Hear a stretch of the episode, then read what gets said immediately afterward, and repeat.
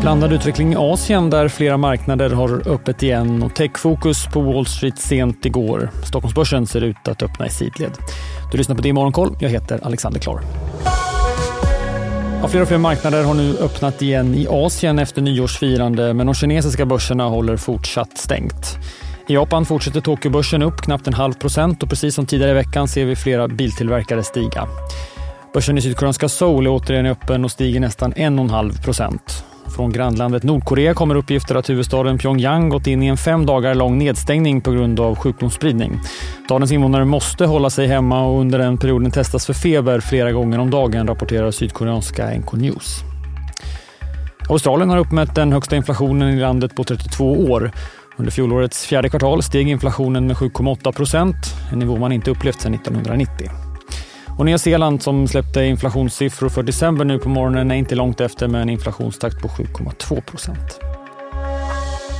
Sveriges och medicinteknikbolaget Arjo släppte precis siffror för sitt fjärde kvartal och det var något i underkant. Bolagets organiska försäljningstillväxt blev negativ i kvartalet och bolaget spår en tillväxt mellan 3 och 5 procent under året. Bolagets vd Joakim Lindhoff intervjuas i DTV under morgonen.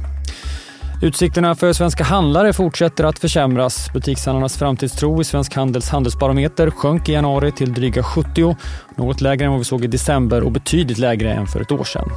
Även e-handlarnas framtidstro backade men befinner sig fortsatt en bit över fysisk handel. Efter att Swedbank och SEB kommit med varsin konjunkturprognos igår kom idag Handelsbanken med sin nu på morgonen och banken tror att svensk BNP minskar med 1% i år och att Riksbanken fortsätter att höja räntan upp till 3,25. Fastighetsutvecklaren Bonava skriver ner sin... Har du också valt att bli egen? Då är det viktigt att skaffa en bra företagsförsäkring. Hos oss är alla småföretag stora och inga frågor för små. Swedeas företagsförsäkring är anpassad för mindre företag och täcker även sånt som din hemförsäkring inte täcker. Gå in på swedea.se företag och jämför själv. Ryska tillgångar i Sankt Petersburg med 900 miljoner kronor. Det kommer efter att den ryska köparen inte fått de nödvändiga tillstånden. Wall Street hade en något lugnare dag igår på indexnivå i alla fall, även om flera rapporterande bolag gjorde stora rörelser. S&P 500 stängde svagt nedåt, minus 0,1 procent och Nasdaq var ner 0,3 procent. Mycket fokus på techjätten Microsoft som kom med rapport efter stängning. Bolaget såg både intäkterna och resultatet minska jämfört med i fjol. Men framförallt så var resultatet bättre än väntat och aktien steg till en början i efterhanden för att sedan tappa den uppgången. Inom den viktiga cloudverksamheten fortsätter Microsoft att växa med drygt 20 procent i kvartalet.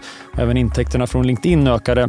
Däremot föll intäkterna på bland annat försäljningen av PCs kraftigt och även intäkterna på spelkonsolen Xbox minskade.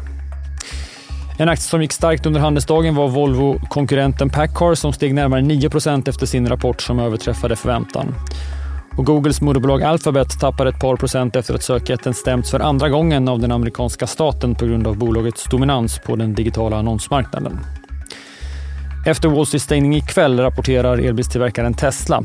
Bolaget har sänkt priserna på flera marknader för att få upp försäljningen den senaste tiden. Det är ganska tunt på dagens agenda från svenskt håll, bland annat producentpriser men säkert desto mer fokus på vad som sker vid lunchtid för då kommer nämligen domen mot Swedbanks tidigare VD Birgitte Bonnesen. Bonnesen står åtalad för grovt svindleri alternativt grov marknadsmanipulation samt för röjande av insiderinformation. Sen väntar en tung rapportdag imorgon torsdag med bland annat Volvo, SEB och Telia som rapporterar. Dessutom får vi spännande BNP-data från USA på eftermiddagen. Det sätter punkt för det i Morgonkoll. Missa inte Börsmorgon med start kvart i nio eller som podd klockan elva. Jag heter Alexander Klar.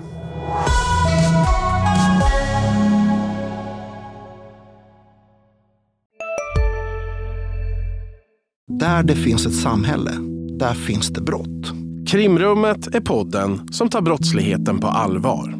Jag bjuder in landets ledande experter och tar upp aktuella rättegångsfall för att begripliggöra den kriminalitet som kryper allt närmare. Du, alltså, du kan knäcka ett eller några gäng, men det kommer komma nya och så kan vi knäcka dem sen. Men att du ska knäcka allt forever, det kommer aldrig ske. Det är infinite gain. Lyssna på Krimrummet, en podd från Expressen med mig Kim Malmgren. Hej, Synoptik här. Hos oss får du hjälp med att ta hand om din ögonhälsa. Vår synundersökning kan vi upptäcka både synförändringar och tecken på vanliga ögonsjukdomar. Boka tid på synoptik.se.